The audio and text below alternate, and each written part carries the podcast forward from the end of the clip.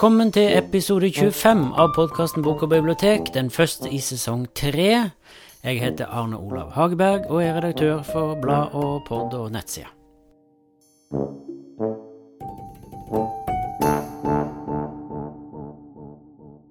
Har du makt? Makt det er et av disse ordene der vi aldri kommer til å bli enige om en endelig definisjon. Men nynorskordboka sier det sånn Makt er det å kunne bestemme over andre eller kunne styre ei utvikling. Om vi legger denne definisjonen til grunn, så er det mye makt i norske bibliotek.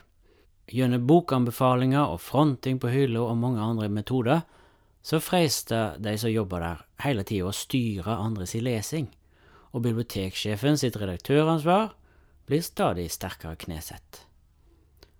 Under Kulturytring i Drammen i juni arrangerte vi i Bok og bibliotek en scenesamtale sammen med søstertidsskriftene våre Access, Access, ja, Access og Museum. Denne kalte vi Hva skal vi huske, og hva skal vi glemme? En samtale om hverdagsmakt i arkiv, bibliotek og museum. Og den skal dere få høre nå. Men først en liten forklaring. ABM-sektoren, altså arkiv, bibliotek og museum, er huks og samvett for fellesskapen skrev vi i programteksten. Hver dag så tar jeg tilsette små og store valg som påvirker hva framtida vil vite. Det som blir stående som fortellingen om oss. Og denne hverdagsmakta er det som påvirker resten av samfunnet. For hva for stemme slipper vi til? Hva for dilemma oppstår? Og hva for valg tar vi? Hva for prioriteringer og refleksjoner ligger bak? Og så videre. Mangeårig NRK-journalist og kulturkommentator Agnes Moxnes leder samtalen. Og panelet besto av førstekonservator Anders Bettum ved Interkulturelt museum i Oslo, Anette Kure, biblioteksjef i Sarpsborg, Ann Tove Manshaus, rådgiver i Vestfoldarkivet og koordinator for privatarkiv i Buskerud, Michelle A. Tistel, forsker og spesialbibliotekar ved Nasjonalbiblioteket, og styreleder for foreninga INN, etniske minoriteter i norsk kulturliv. Og Silje Dragsund Aase, leder for Misjons- og diakoniarkivet ved VID vitenskapelige høgskole i Stavanger. En stor gjeng fant veien til Drammensbiblioteket for å høre på disse tidlig på dagen 21. juni i år. Og flere interessante perspektiv ble løfta fram, og vi som arrangerte, fikk tilbakemelding etterpå om at folk opplevde omgrepet hverdagsmakt og refleksjonen rundt utøving av denne som ny og fruktbar. Én samtale er jo bare litt skraping i overflata. Jeg håper derfor at du, etter å ha hørt episoden, får flere kollegaer til å gjøre det samme, og så kan det sammen reflektere videre.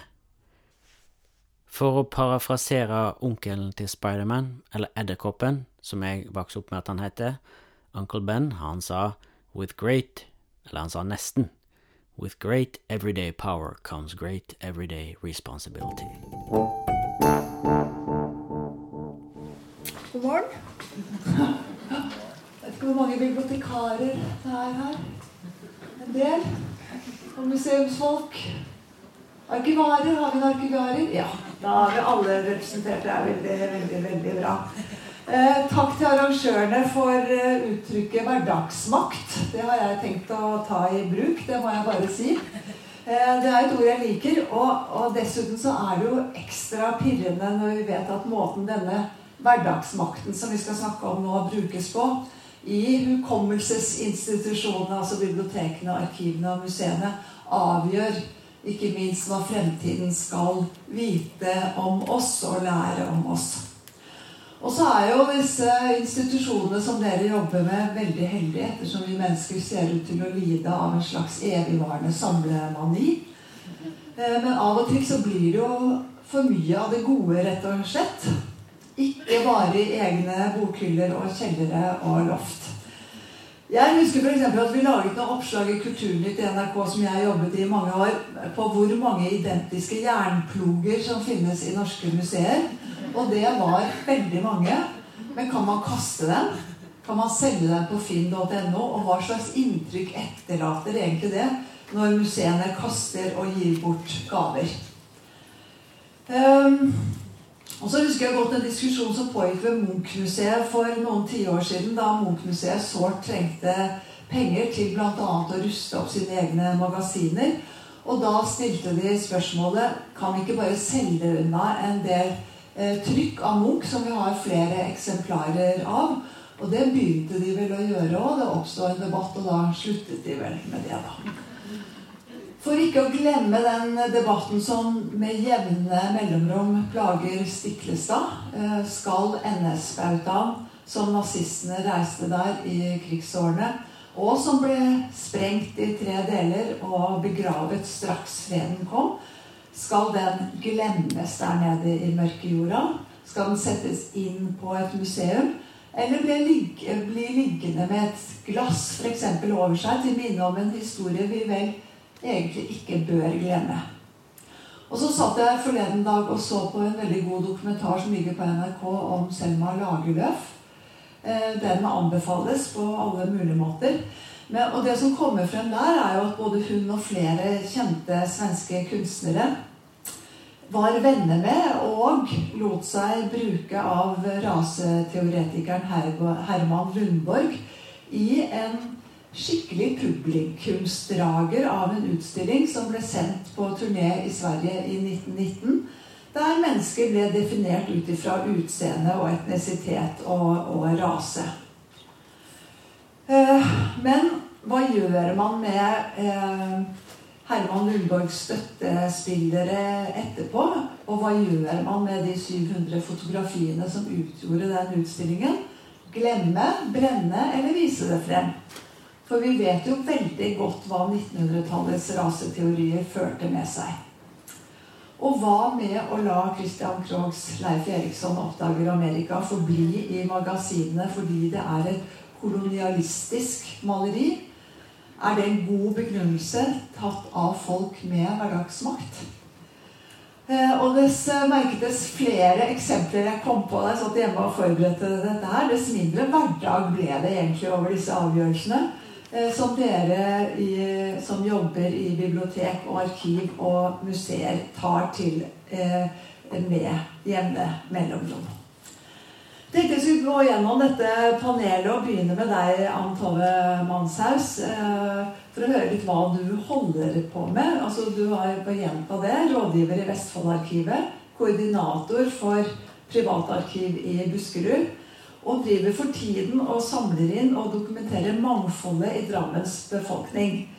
Eh, som skal danne grunnlaget for en utstilling i Drammens museum i 2025. Et par år på deg. Så det betyr jo egentlig at du står og Lora, du syns ikke det er så lang tid, kanskje? Nei, det får vi til. Ja, det får vi, ja. Men det betyr at du står rett og slett oppi en masse valg, du, akkurat nå.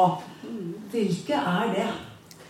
Nei, Jeg kan jo fortelle litt om det å jobbe som arkivar. ikke sant? Vi skal jo påse at viktige arkiver blir tatt vare på for ettertiden. Og øh, jobbe for en helhetlig samfunnsdokumentasjon.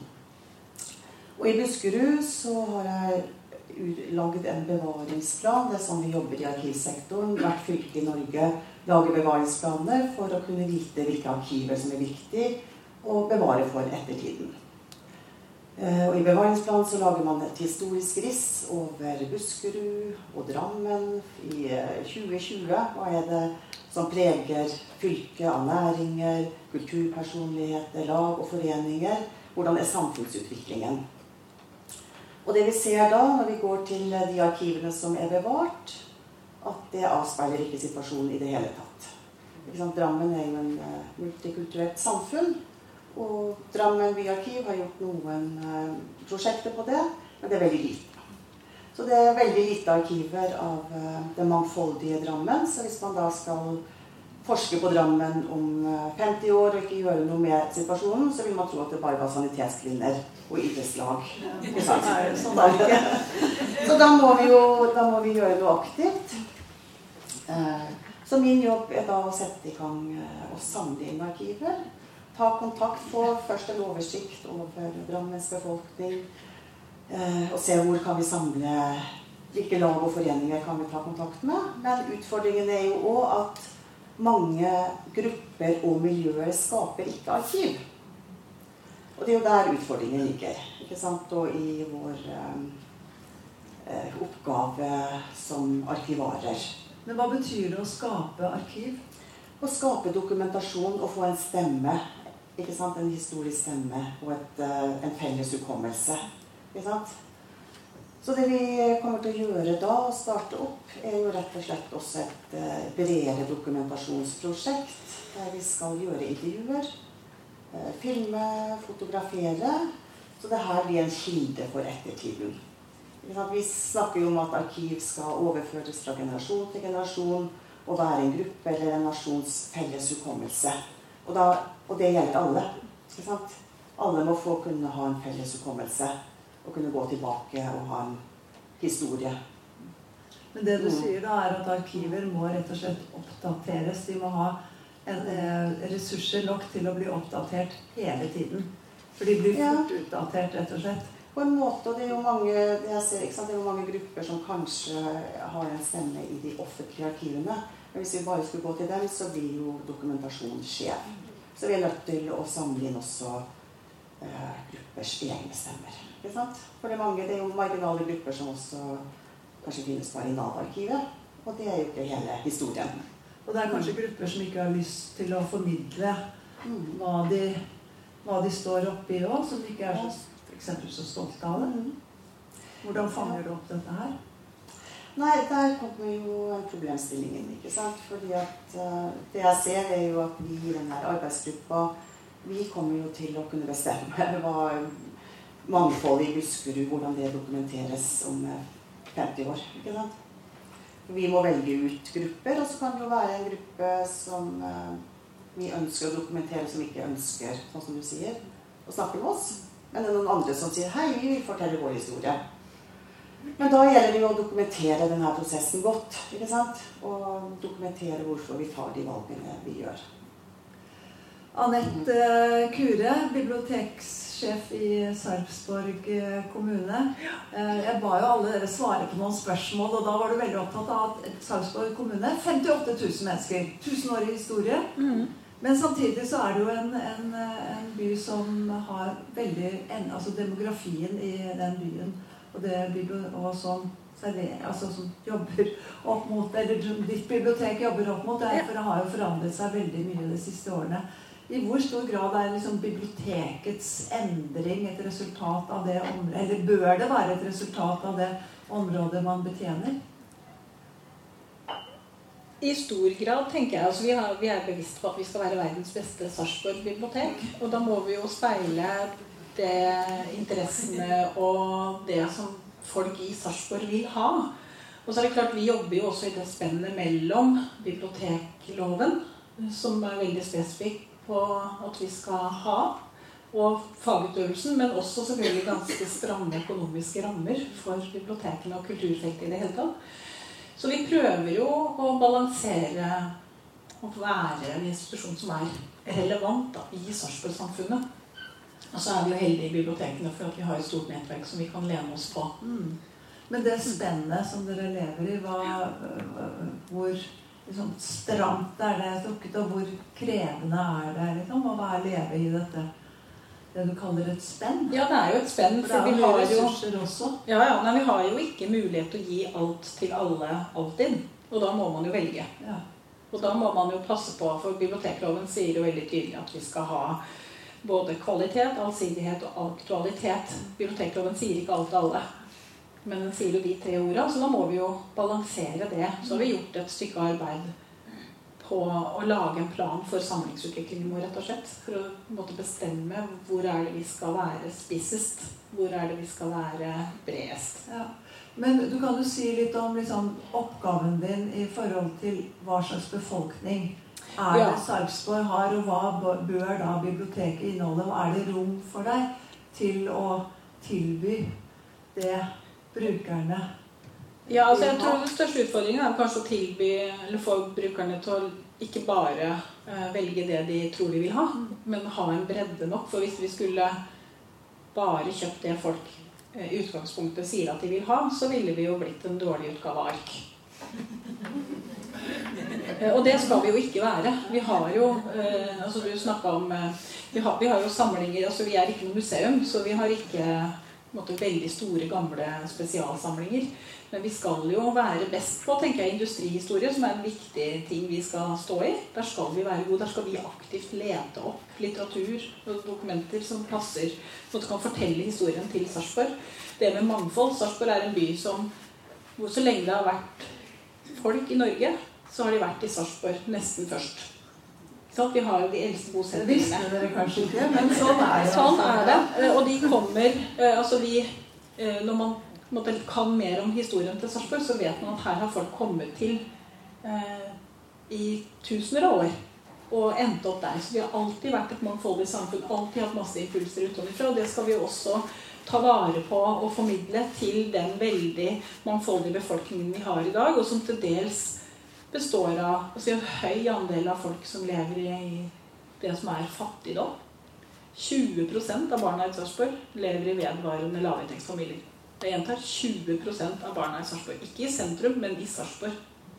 Og det er klart, det gjør jo noe med at vi må sørge for å eh, gjøre det tilgjengelig også. Og, og gi dem en plattform til å føle at de hører hjemme i det samfunnet. Og når kommer du til kort? Hver dag.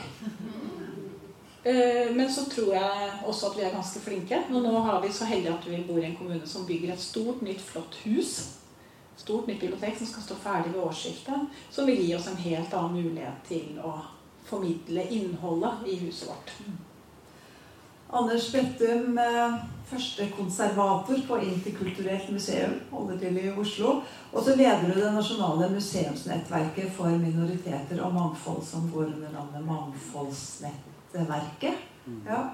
Eh, med utgangspunkt i de siste 50 årene dette leser jeg på du har skrevet. Utgangspunkt i de fem, siste 50 årenes innvandring pluss de fem nasjonale minoritetene, altså jøder, romani-tatere, rom sigøynere, skogfinner og kvener. Eh, og her er altså ikke samene med, for de har jo ikke status som minoritet, men som urfolk. Stemmer ikke det? Det stemmer. Ja, ja. Men altså eh, Nå eh, snakket jo her om Tove om eh, å skape arkiv. Og de, de, vi fikk jo med oss da Sannhets- og forsoningskommisjonens rapport ble lagt frem nå, at det er veldig mye som ikke finnes i nettopp i arkivene om disse gruppene. Mm. På hvilken måte er det en utfordring for deg og dere?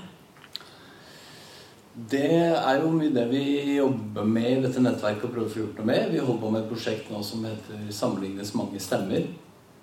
Der jobber vi for å gå eh, Vi jobber på flere måter. Det ene måten vi jobber på, er å gå inn i eksisterende samlinger og prøve å hente fram minoritetsfortellingene som, som, faktisk ligger der, men som bare ikke har blitt fortalt tidligere. Eh, og så driver vi med nyinntak av nye samlinger, som også kan komplementere den historien. Og den siste arbeidsgruppa jobber spesielt med bygningsmassen i folkemuseene. som er en eh, snakket om å samle på ting i skuffer og skap og sånn. Museene eh, har jo det problemet at gjenstandene våre ofte kan være veldig store. Så når det blir veldig mange av dem, så, så blir det brysomt.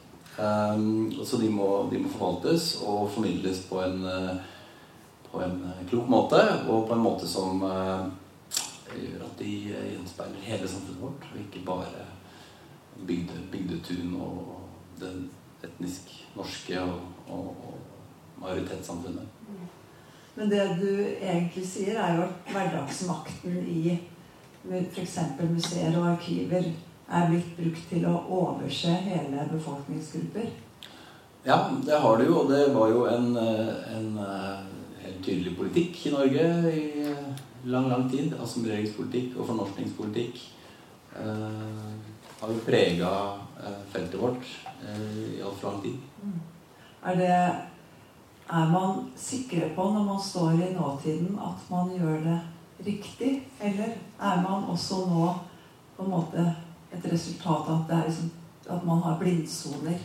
Helt, helt, klart. Og, og, vi gjør sikkert en masse feil nå som kommende generasjoner skal rydde opp i etter oss.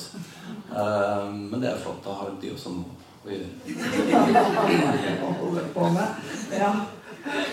Silje Dragsund Aase, historiker og arkivleder i Misjons- og Diakonarkivet ved VID. VID, ja. Ja. VID vitenskapelig Ja. høgskole. Mm. Ja, nettopp. Og det er jo altså Jeg må jo bare melde at det er at jeg har så lite kunnskap om, eh, om den vitenskapelige høyskolen som heter eh, VID. Eh, Og det kan jo komme at den er ganske ung. Skal du si et par ord om hva, Mm. hva det er? Mm. Nei, altså VID oppsto i 2016 som en fusjon mellom fire verdibaserte høgskoler. Og da er det Misjonshøgskolen i Stavanger, som jeg kommer fra, Diakonhjemmet i Oslo, Betanien og Haraldsplass i Bergen, som da først og fremst er sykepleierutdanninger. Så nå er da ambisjonen å bli eh, Norges første verdibaserte universitet. Hva betyr det å være et verdi? For da tar dere jo klart liksom, stilling på en måte i disse hverdagsvalgene av verdibasert. Mm. Eh, Mm. Nei, altså da er det jo den kristne verditradisjonen som ligger til grunn. Men jeg, jeg kan jo gi et eksempel fra eh, eh, et fag som jeg er på vei inn i eh, i VID, som er eh, bachelor i sosial bærekraft. Eh, hvor utgangspunktet er FN sine bærekraftsmål. Og da er det sånn på den ene sida at studentene de eh, eh, Det handler om å skjønne hva samfunn en er en del av og hva utfordringer en har, og hvorfor en har disse utfordringene. Og på den andre sida eh, så er det verdibasert ledelse i forhold til dette med å lære hvordan en kan eh, styre endringsprosesser. mm. Mm. Så det er et sånt eksempel på eh, vid, eh, prosjekter med utgangspunkt i dette med å være verdibasert. Og så er jo begrepet misjonær Det er liksom ikke Det er litt ladet. Eh, Og kanskje ikke positivt ladet for veldig mange. Eh, På hvilken altså Apropos blindsoner. Eh, Er, er vi nå inne i, egentlig inne i en blindsone liksom, på forskningsfeltet? Er liksom Hvor er interessen for det religiøse og for f.eks. misjonshistorien da, i, på, når du ser ut i, i biblioteker og museer osv. Mm. Eh, ja, altså eh, Jeg er i Misjons- og deponiarkivet, og vår historie går jo tilbake til etableringen av Det Norske Misjonsselskap i 1842. Og det som er interessant i forhold til det arkivet, det er jo at denne bevegelsen altså Det var jo en del av Norges første folkebevegelse. Og bevegelsen hadde et enormt stort nedslagsfelt. Ta eksempel, Misjonstidene hadde et opplag på 6000 eksemplarer eh, allerede i 1873. Morgenbladet hadde 2000. Så jeg tenker jo at på mange måter så var det jo misjon som brakte verden til Norge. Eh, og, og når det kommer til eh, dette med overføringsverdi Altså helt klart, selvfølgelig, eh, misjonsprosjektet Det var jo et kolonialistisk prosjekt.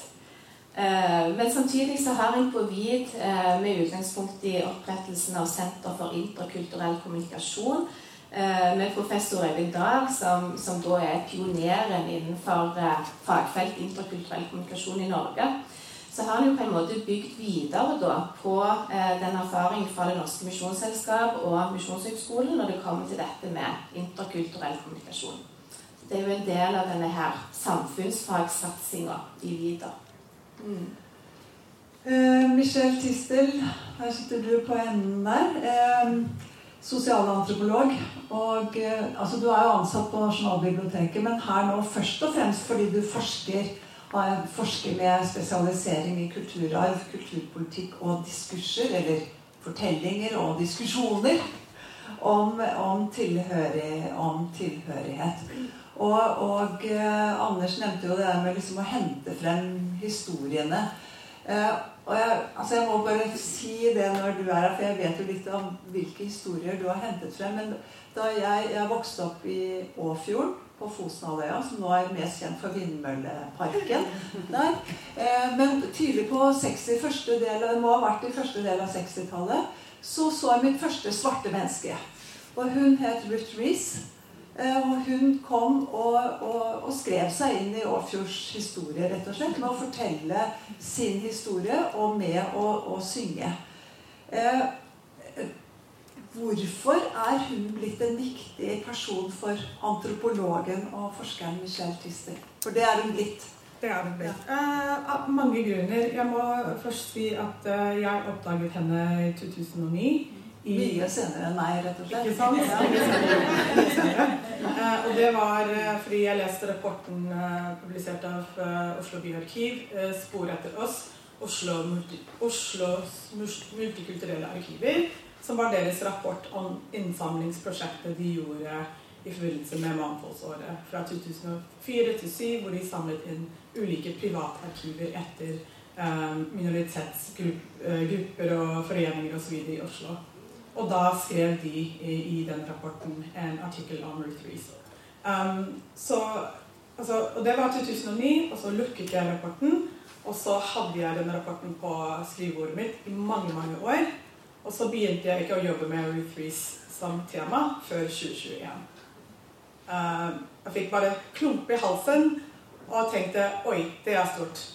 Men det kan jeg ikke jobbe med nå. Men fast forward til uh, 2021 så blir jeg invitert til å bidra til et uh, prosjekt uh, som en uh, musiker og produsent. De ønsker å løfte fram Ruth Breeze i forbindelse med 100-årsjubileum uh, for hennes fødsel 2021.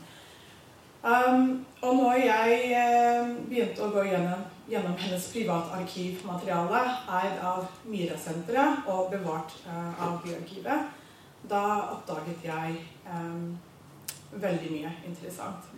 Uh, da var uh, et veldig, veldig tidlig eksempel på antirasisme i Norge.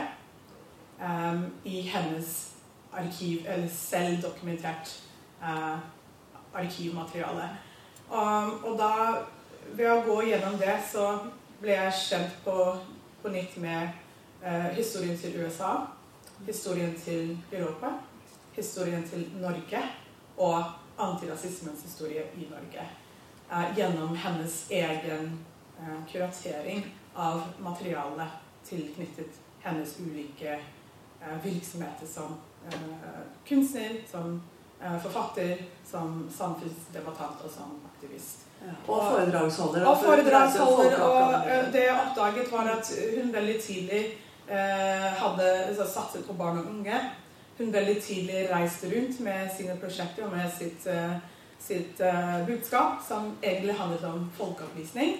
Og hun skjønte veldig tidlig rundt 1950 at i Europa så var det for lite kunnskap om afroamerikansk historie, om slavehandelen, om eh, sammenhengene mellom eh, segregering og rasisme i USA og kolonialisme i Afrika, europeisk kolonisering av Afrika, og rasisme generelt i verden, og svarte menneskers felles eh, strid eh, og kamp for eh, likeverd. Så det mente hun var helt tydelig at alle disse sakene var en og samme sak. og det prøvde hun å få fram opp og fram veldig tidlig, allerede fra 58, 1958 i Norge. Veldig rette med sitt budskap. Trengtes ditt blikk for å hente frem historien om henne, eller var det bare et tidsspørsmål før? Uh, jeg skal si ja, det trengte mitt blikk. Mm. Fordi jeg også er fra sørstatene. Mm. Svart kvinne, flyttet til Norge, har bodd her hele min nesten, nesten ja, her mer enn i USA, egentlig. Og jeg ble veldig satt ut av uh, hvor parallell at, at hun uh, klarte å sette ord på så mange ting allerede i 1958, 1960, 62 som man fortsatt snakker om i dag. Eh, og at hun sto stort sett alene og gjorde det. Mens i dag så har man flere. Så eh, har man kommet videre på mange måter. Og hun gjorde alt det før det var nasjonal kulturpolitikk for inkludering, integrering, eh, mangfold osv. osv. Så, så, videre. så det er veldig sterk og viktig historie for eh, Norge. Hun hadde jo en unik personlighet. Det hjelper jo ofte det når man skal komme igjennom. Altså når jeg fortsatt husker det så tydelig, og det var liksom et samtaleemne lenge etterpå i bygda vår, Så det, det, har vel også noe å si. At, det, at hun må, må, ha vært en veldig sterk person. Ekstremt. Ja. Mm. Ekstremt, ja. Eh, åpner må åpne litt opp her. Nå har dere blitt presentert alle sammen. Takk skal, skal dere ha. Eh, eh, Silje. Du skrev en, en, kronikk i Aftenposten for ikke så lenge siden. Det var kanskje i forlengelse av Christian Krogh-debatten. Mm. Uh, for da ble jo kjelleren mm. et, et, tema. Hva er det vi gjemmer i kjelleren? Jeg så Nasjonalmuseet var ute og sa at det heter ikke kjeller, det heter magasin. uh, men altså der skrev du at vårt mandat er å ta vare på vår kollektive hukommelse og fremme kulturarv. Men hva gjør vi når våre arkiver og bøker ikke tåler nåtidens lys? Gjemmer vi dem i kjelleren for å glemme? Eh, og så sier hun, sier du vi har også noe i kjelleren, men vi gjemmer ikke for å glemme. Eh, og det var jo i kjelleren du fant, eller i magasinene, du fant stoffet til din eh, doktorgrad. Eh, si et par ord om det, og hvilke dilemmaer som oppsto i jobben med nettopp denne doktorgraden din? Mm. Nei, altså eh, Når jeg snakker hverdagsmakt i arkivet, så tenker jeg jo litt at jeg ble på et vis utsatt for litt hverdagsmakt i arkivet. Jeg jobbet med eh, norsk misjon i Hunan-provinsen i Kina i perioden 1902 til 1951. Og så var jeg veldig opptatt av å eh, eh, lete etter de andre stemmene. Altså stemmene til disse kinesiske kristne som jeg opplevde lå gjemt mellom linjene i misjonærberetningene og bak misjonspropagandaen. Eh, men så var det dette her med eh, disse andre kildene. For i arkivet vårt er det først og fremst misjonærene som forteller historien. Men så fant vi en konvolutt der det sto en uh, veldig tydelig utenpå må kun åpnes av generalsekretæren i Det norske misjonsselskapet. og så åpna vi jo selvfølgelig konvolutten, og, og, det vi fant, det var jo egentlig det en ville kalle en metoo-historie av i dag, som viste seg å være uh, mer enn det òg. Så eh, med utgangspunkt i den historien så klarte jeg jo å da samle litt andre løse tråder Eh, og dette var jo en av disse her eh, eh, bunkene med dokumenter som, som hjalp meg til å balansere historien. Mm. Ja. Mm. ja, si litt mer om det. ja. Altså det å balansere historien. Ja, eller altså hvilke dilemmaer som mm. oppstår når du finner ja. fordi at dette var jo en, ja. kvinne som, som beskrev mm. eller som hadde klaget til, eh, til mm. Ja, at hun var blitt misbrukt eller mm. altså, mm. overgrep av en misjonær. Mm. Og at misjonæren han kom eh, hjem og fikk, mm. de kjøpte et hus til ham, småbruk, mens hun ble tatt hjem og mistet jobben og fikk ikke noen erstatning i det hele tatt. Ja. Så, så, hun ble jo sittende igjen med skammen. Så eh, jeg hadde en litt sånn naive forestilling i dette prosjektet om å yte eh, denne unge lærerinnen en viss rettferdighet. da så, så dermed bestemte jeg meg òg. Det betyr jo ingenting, for jeg har vært UFR i mange, mange år. Men det var liksom bare dette med å få balansert denne historien. For det, er klart at dette ble jo dekka over i Det norske misjonsselskapet. Misjonæren dro hjem, som du sa.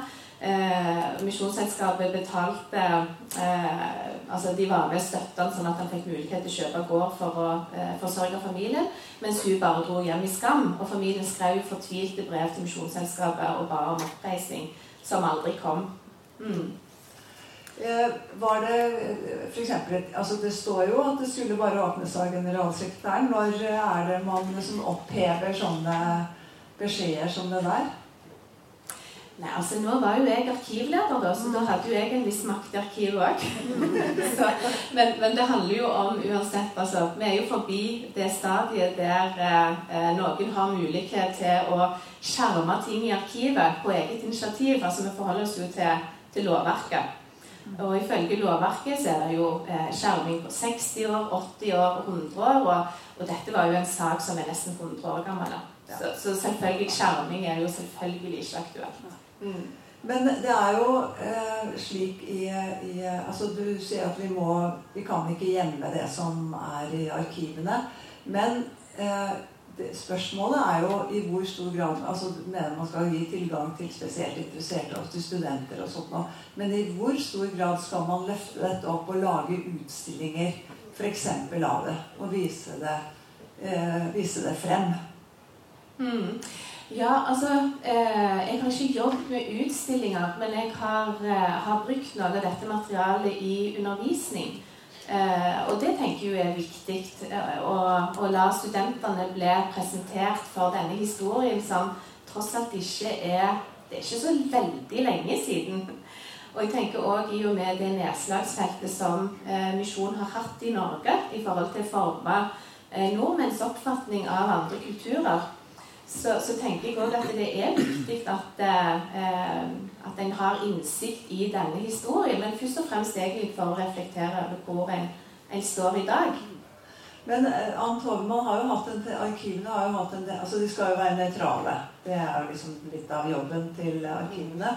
Men i hvor stor grad er de det, og i hvor stor grad kanskje beskytter de nettopp sånn som i dette tilfellet her, at man beskytter misjonæren, eller man beskytter forskjellige deler av det norske storsamfunnet fordi at det passer ikke helt inn.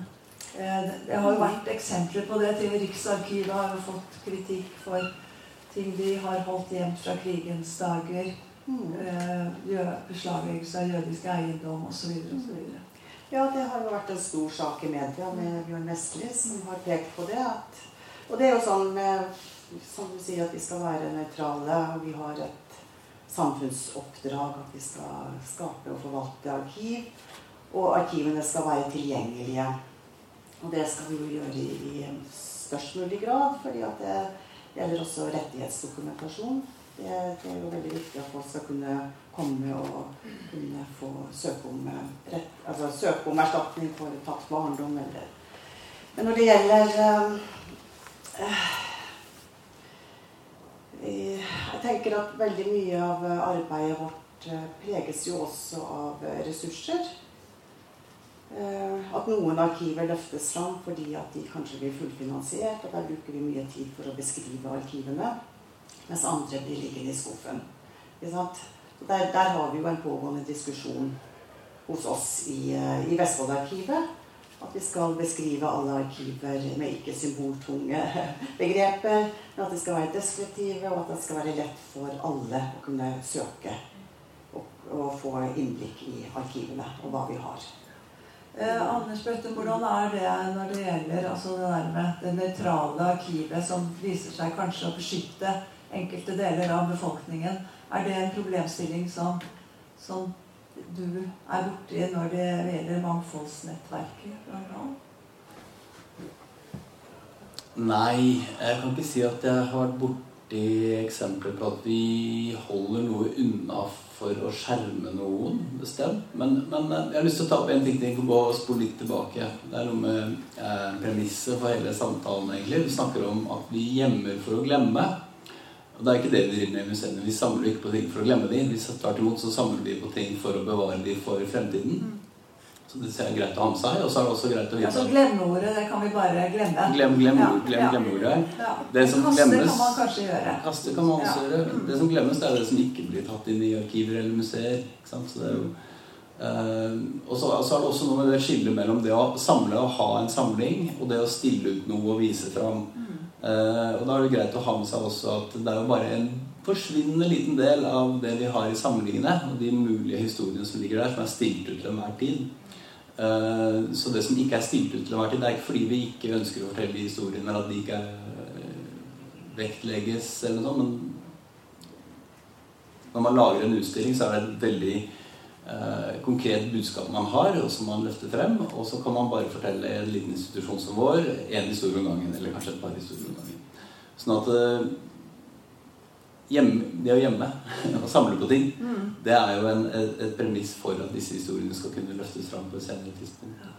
Det sånn, altså, men hvis man henter frem kontroversielt stoff da, mm. fra, fra arkivene sine, eh, så, eh, og viser dem frem, da tenker jeg at da må man jo ha en god begrunnelse for enten å legge, la dem ligge i arkivene, eller for å hente dem frem. Og tenke på, altså Nå skal vi ikke, I og med at Nasjonalmuseet ikke er her, så skal vi ikke diskutere for så vidt den Christian Krogh-saken. Men, men Michelle, når du hørte argumentasjonen for ikke å hente opp eh, Leif Eriksson oppdager Amerika som, og argumentet var kolonialistisk. Så er det et eh, Skal man tenke seg om før man bruker den type begreper, eller var det egentlig et modig brukt begrep fordi det fikk i gang en kjempestor diskusjon? Uh, jeg det, det, jeg tenkte på, var at uh, altfor få forstår begrepet kolonialisme og kolonisering, og forskjellen mellom kolonialisme og kolonisering. Og det bare viste for, belyste for meg hvor lite kunnskap det finnes i samfunnet om det temaet. Mm. Uh, det var det jeg tok uh, med fra debatten. At her har vi mye å lære. Her trenger vi mer pensum om akkurat det. Akkurat uh, hvordan mange ulike historier historier om kolonisering og kolonialisme henger sammen. Hva som er en felles, en rød tråd mellom disse. Hva har de til felles? Hvordan er det dansk-norsk eller norsk eller dansk eh, versjon av det, av koloni, kolonisering og kolonial, kolonialisme? Hva er det vi ikke eh, hva, hva, trenger vi å vite om det? Hva mer? Så jeg, jeg, syns, jeg tenker ikke at det var feil, men jeg tenkte at det ble, det ble ikke forklart bra nok. Um, og det hadde sikkert vært diskusjon rundt det uansett. Fordi folk har forskjellige meninger om det. Men jeg tenkte først og fremst at da var det en glemrende anledning til å snakke fag, snakke om historie. Og, og eh, på en måte markere litt grann, og, og, og ja, lære opp. Eh, komme med litt folkeopplysning. Eh, så jeg følte at eh, vi, vi, vi greide ikke helt å bruke, utnytte den muligheten. Det var ganske mange som lærte seg å si ordet kolonialisme, da. Ja. For det er ikke så enkelt å, å, å, si det.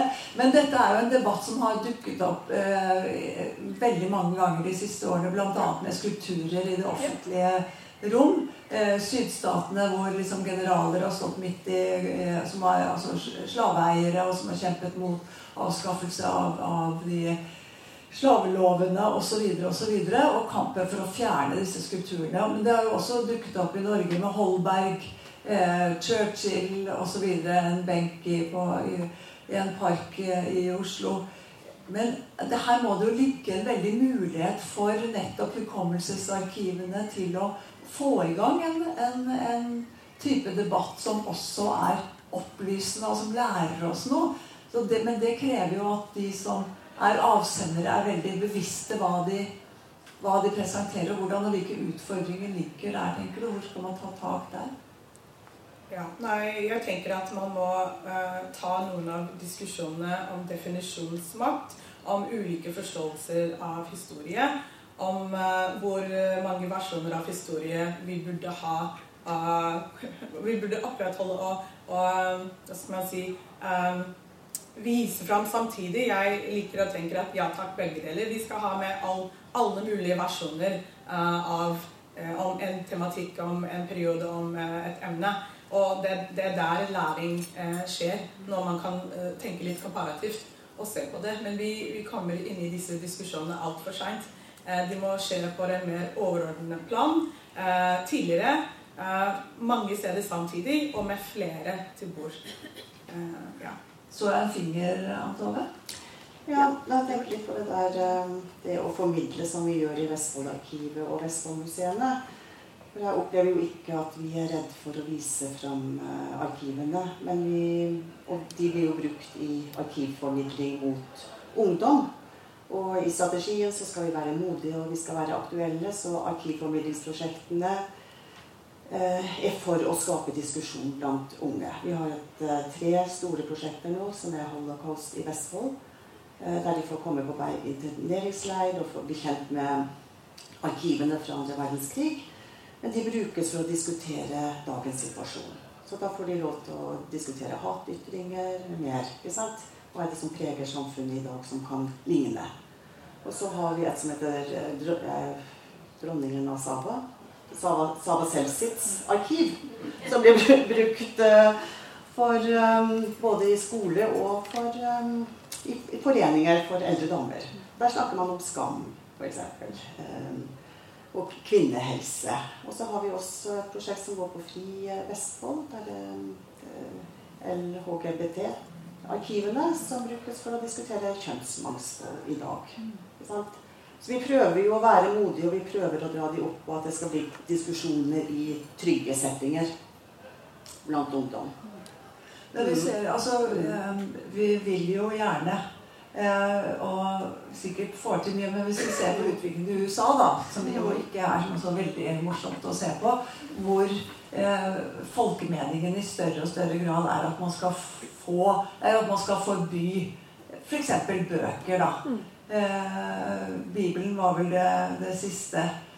Det er, altså det er vanskelig å tenke seg her. Vi sitter liksom i fine Drammen, og alle er vennlig innstilte og sånt. Men, men er, ser vi noen tendenser til liksom det samme i, i Norge? At det er enkelte meninger som vi ikke vil se uttrykt? I f.eks. de hukommelsesinstitusjonene da, som skal være offentlige møteplasser og, for Hva tenker du om, om det, Anne? Ja, det er jo alltid vanskelig, for vi er jo nærsynte. Alltid. ikke sant?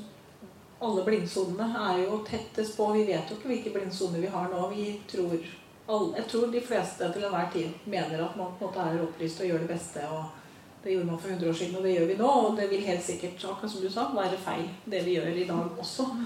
Men, men det er jo eh, for, for, for bibliotekene og folkebibliotekene så er jo det liksom, Vi fikk jo et nytt mandat om å være eh, møteplass. Ja. Drive med offentlig samtale og debatt i bibliotekene.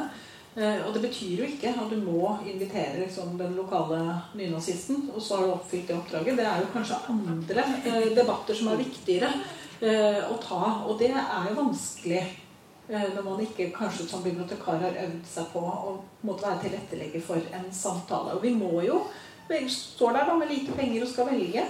Skal du velge å kjøpe den boka som du vet nesten ingen vil ha, kanskje ingen har sagt de vil ha, men som trengs for å supplere og vie ut måtte gi et vidsyn? Eller skal du velge en til av Lucinda Riley, som du har 90 på venteliste?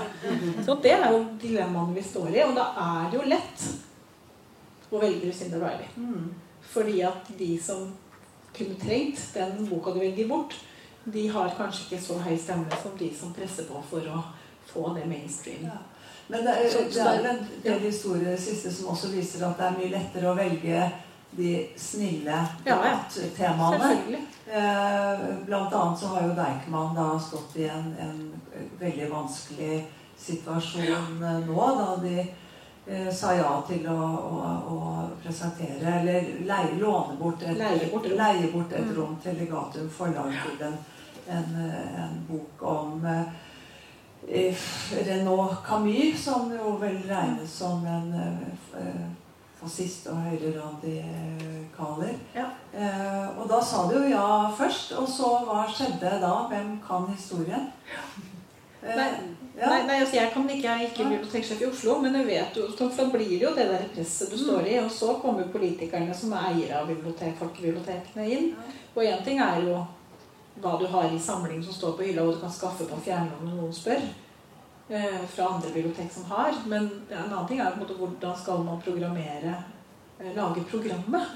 Eh, og det man presenterer Dette var jo ikke et bibliotekarrangement engang. Det var Nei, men det var det offentlige møteplassen. Da. Ja, men det var, ja, ikke sant? Det, det er jo problemet til Deichman er jo at de må leie ut rom for å tjene penger til å drive bibliotek. Det Ja. slipper heldigvis vi andre, så vi har litt mer styring på hvem som Ja, men dette er jo, Jeg vet ikke om noen av dere har noen tanker om, om det? Altså de utfordringene som møter en når man skal ha en offentlig eh, møteplass hvor, vi, hvor ytringsfrihet fordi at biblioteket er jo ytring, virkelig ytringsfrihetens liksom, helligste Absolutt, men, men det har jo vært prøvd rettslig. Eh, For vi hadde jo en situasjon i, i Kristiansand folkebibliotek for, for ganske mange år siden som jo gikk til med Sian og, og Arne Tummer.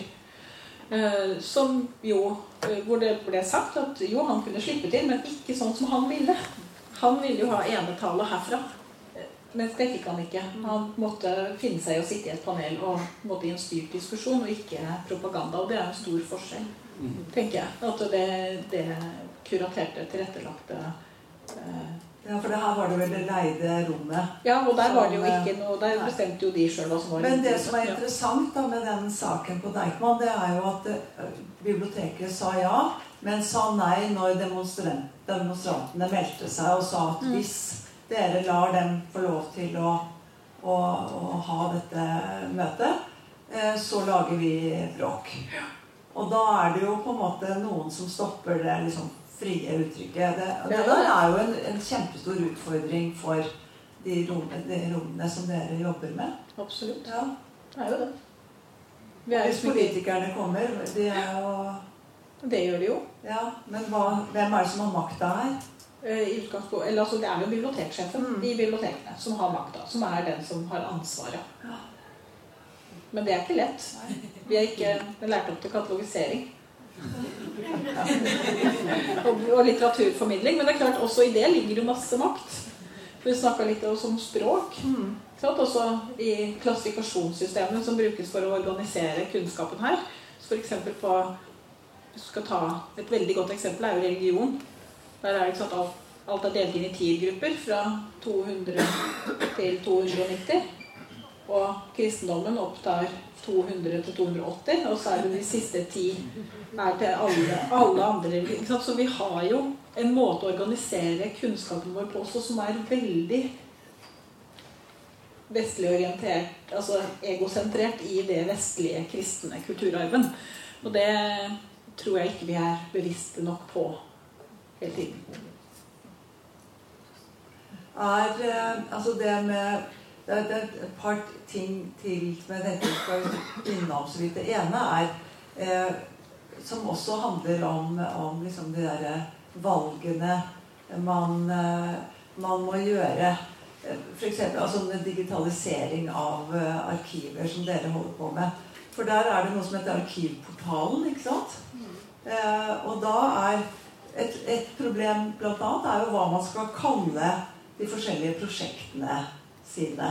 For da må man jo velge. altså Språk er jo Makt. er makt, som vi har lært. Og, og, og da skjønte jeg at det liksom bl.a. dukket opp en debatt i forlengelse av om man skulle kalle eh, et, et prosjekt om kvener Om man skulle kalle det Kvenprosjektet eller Norsk-finsk prosjekt. Eh, dette er jo ditt område.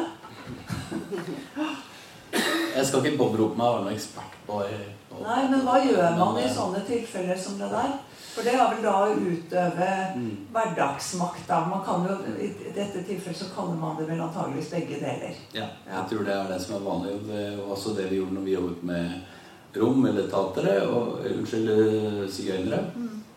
Og, eh, og opplevde der at eh, en del av gruppen ønsket å bli kalt rom, og ville ikke bruke sigøynerbegrepet, mens eh, den eldre garde ofte likte sigøynerbegrepet og, og syntes det var rart med dette nye rom.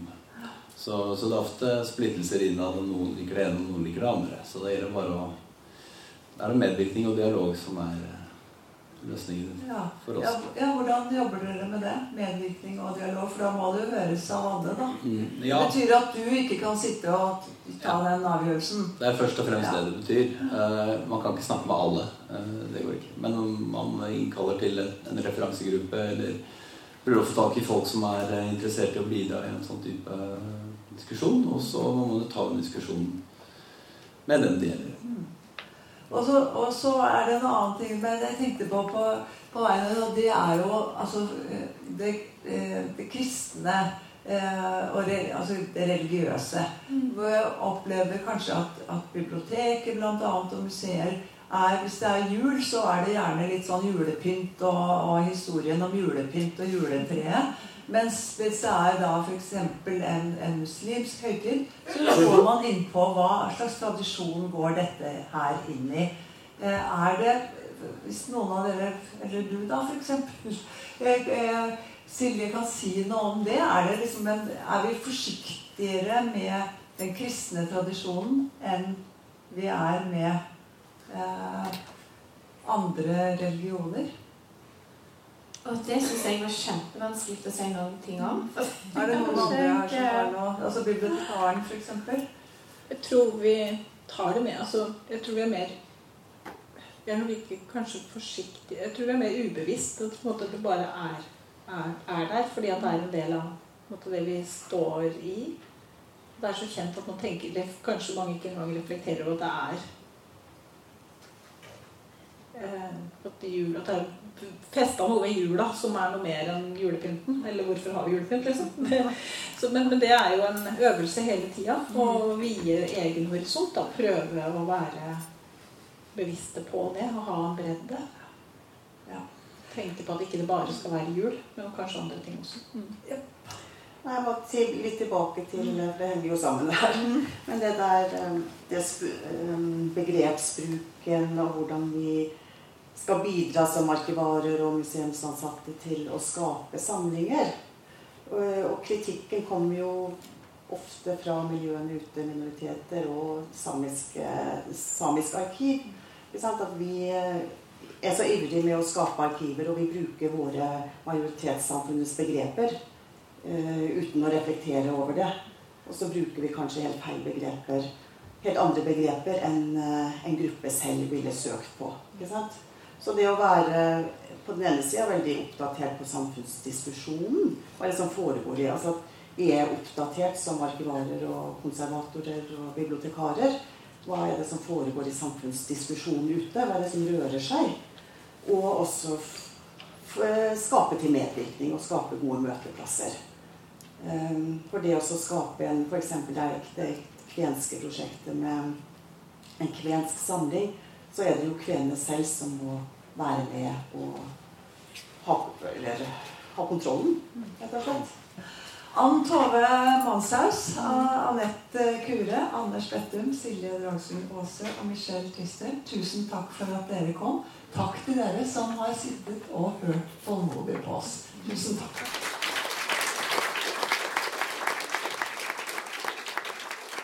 Arrangementet du akkurat har hørt, var altså et samarbeid mellom arkivtidsskriftet Aksess, museumstidsskriftet Museum og bok- og bibliotektidsskriftet Bok og bibliotek. Og det var støtta av Fritt Ord og Norsk Tidsskriftforening, så jeg har sagt takk til deg, og takk til den kloke gjengen på scenen i Drammen i juni, og til deg som lytta. Som vanlig så vil jeg minne om at du kan sende tips og innspill og ris og ros og ideer til samproduksjoner for podkast, eller hva det skal være, til post krøllalfa bok og bibliotek.no. Eh, og så må du huske at alle vi tre tidsskriftene som har vært med å lage denne samtalen, har jo selvsagt nettside, og vi har blader som du kan abonnere på. Eh, og kan følges på sosiale medium. Så Gjør det du har lyst til, eh, og så høres vi snart igjen. Ha det godt så lenge.